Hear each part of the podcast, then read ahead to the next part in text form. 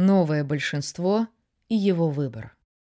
Мемы «Я, мы» 97% и Лукашенко 3% с версией «Психоз» 3%, отсылавшие к заявлениям Лукашенко о коронавирусе, появились в конце мая 2020 года, когда ряд крупных белорусских информационных порталов Тутбай, Онлайнер, Наша Нива, а также несколько телеграм-каналов провели опросы своих читателей – о поддержке кандидатов в президенты. Как минимум в двух из них, охвативших в совокупности более 70 тысяч пользователей, Лукашенко набрал 3% сторонников. Вскоре после этого мем «Саша 3%», как и дополнявший его «Я, мы 97%», стал видимым по всей Беларуси. Его писали на стенах домов, мостах, дорогах он стал предметом постоянных насмешек в социальных сетях и позже присутствовал на плакатах. В итоге власти запретили проводить такого рода опросы, а Лукашенко и его окружение начали публично оспаривать правоту этого показателя.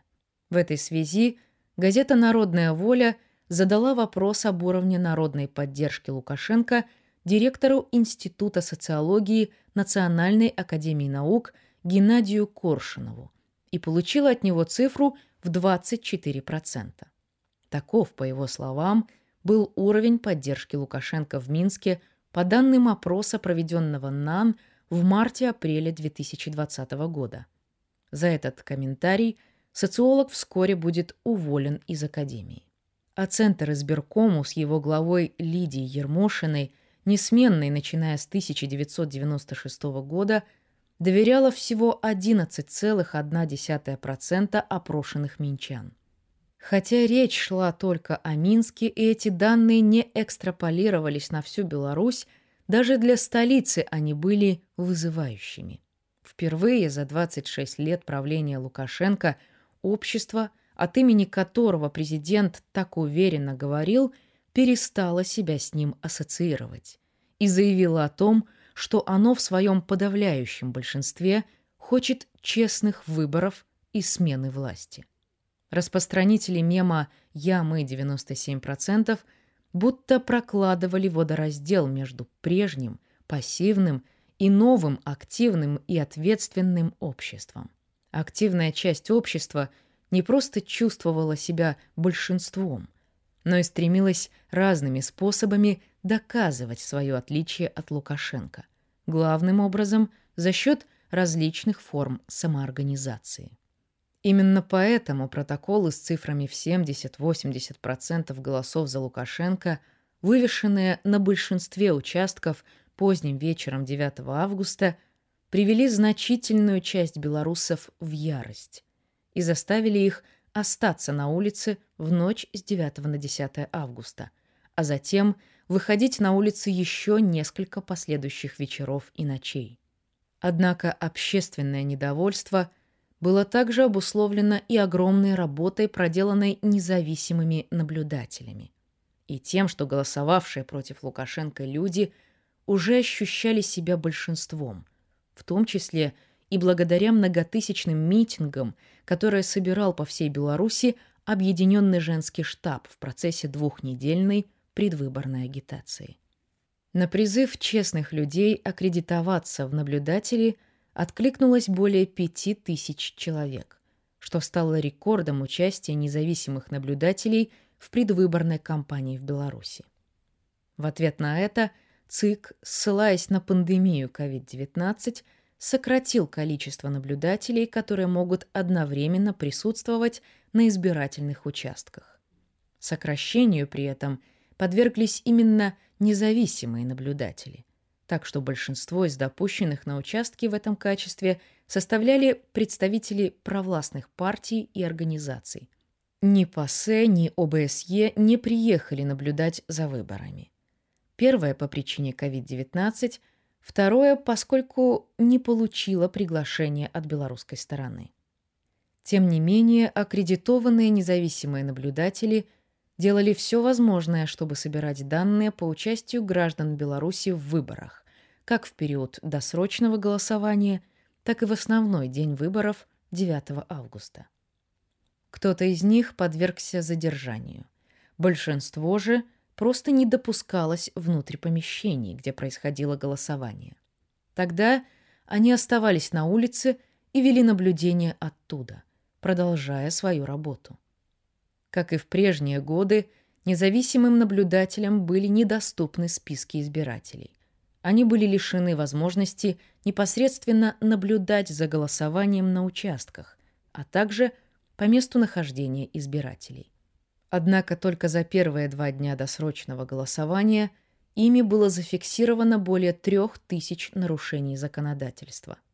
По версии властей, в досрочном голосовании приняли участие 41,7% избирателей. Наибольшее количество за все время проведения президентских выборов в Беларуси. По данным правозащитного центра «Весна», там, где наблюдатели осуществляли наблюдение вне участков для голосования на многих участках в Минске, Бресте и ряде других городов, сообщалось об образовавшихся больших очередях избирателей на участках. В ряде случаев общая явка составляла более 100% избирателей. Во многих случаях избиратели так и не успели принять участие в выборах до закрытия участков для голосования. По данным честных людей, явка в период досрочного голосования была завышена в полтора раза, а на отдельных участках в 5-10 раз.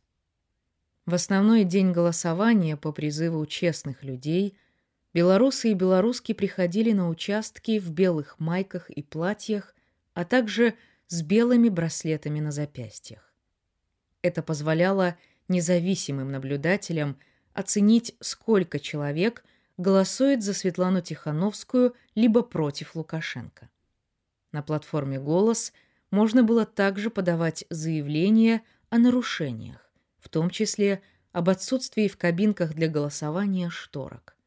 Это нововведение ЦИК было призвано затруднить еще один предложенный честными людьми способ выявления фальсификаций после голосования сфотографировать бюллетень и только затем, сложив гармошкой, опустить его в урну. Фотографии бюллетеней отправлялись на платформу «Голос». А гармошки из бюллетеней позволяли независимым наблюдателям, которые при подсчете голосов удерживались на расстоянии от участковых комиссий, даже издали оценить, сколько же человек не отдали Лукашенко свои голоса. Следуя всем инструкциям, я проголосовала в кабинке без занавески, сделала фотографию бюллетеня, сложила его гармошкой и бросила в урну для голосования. Затем обратилась к комиссии с призывом провести честный посчет голосов, вручила ее членам открытку с изображением Евы Хаима Сутина с аналогичным пожеланием и, наконец, подала заранее заготовленное заявление – о нарушении условий проведения тайного голосования, поскольку на моем участке в кабинках не было занавесок. Хотя интернет был практически полностью заблокирован, и вечером 9 августа и в несколько последующих дней на платформе «Голос» свое участие в выборах продублировал 1 миллион человек, из которых 550 тысяч прислали фотографии своих бюллетеней. Голосу в сотрудничестве с цифровой платформой Зубр и честными людьми удалось собрать и оцифровать итоговые протоколы с 1310 из 5767 участков, 22,7%. Данные платформы, а также заявления ряда членов комиссии о фальсификациях позволили доказать, что они имели место – как минимум на каждом третьем участке. На тех участках, где был произведен честный подсчет голосов, Светлана Тихановская набрала более 50% голосов.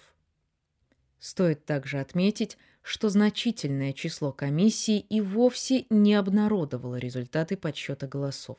Ни вечером 9 августа, ни позже. Это произошло и на моем избирательном участке. Члены таких комиссий уходили со своих участков через черные ходы.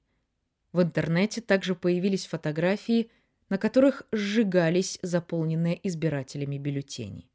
При этом ЦИК заявил о том, что Лукашенко набрал 80,23% голосов, а Тихановская – 9,9%. Эти данные окончательно подтвердили подозрение, что ни о каком подсчете голосов и речи не шло, а после выборов были озвучены заранее оговоренные цифры.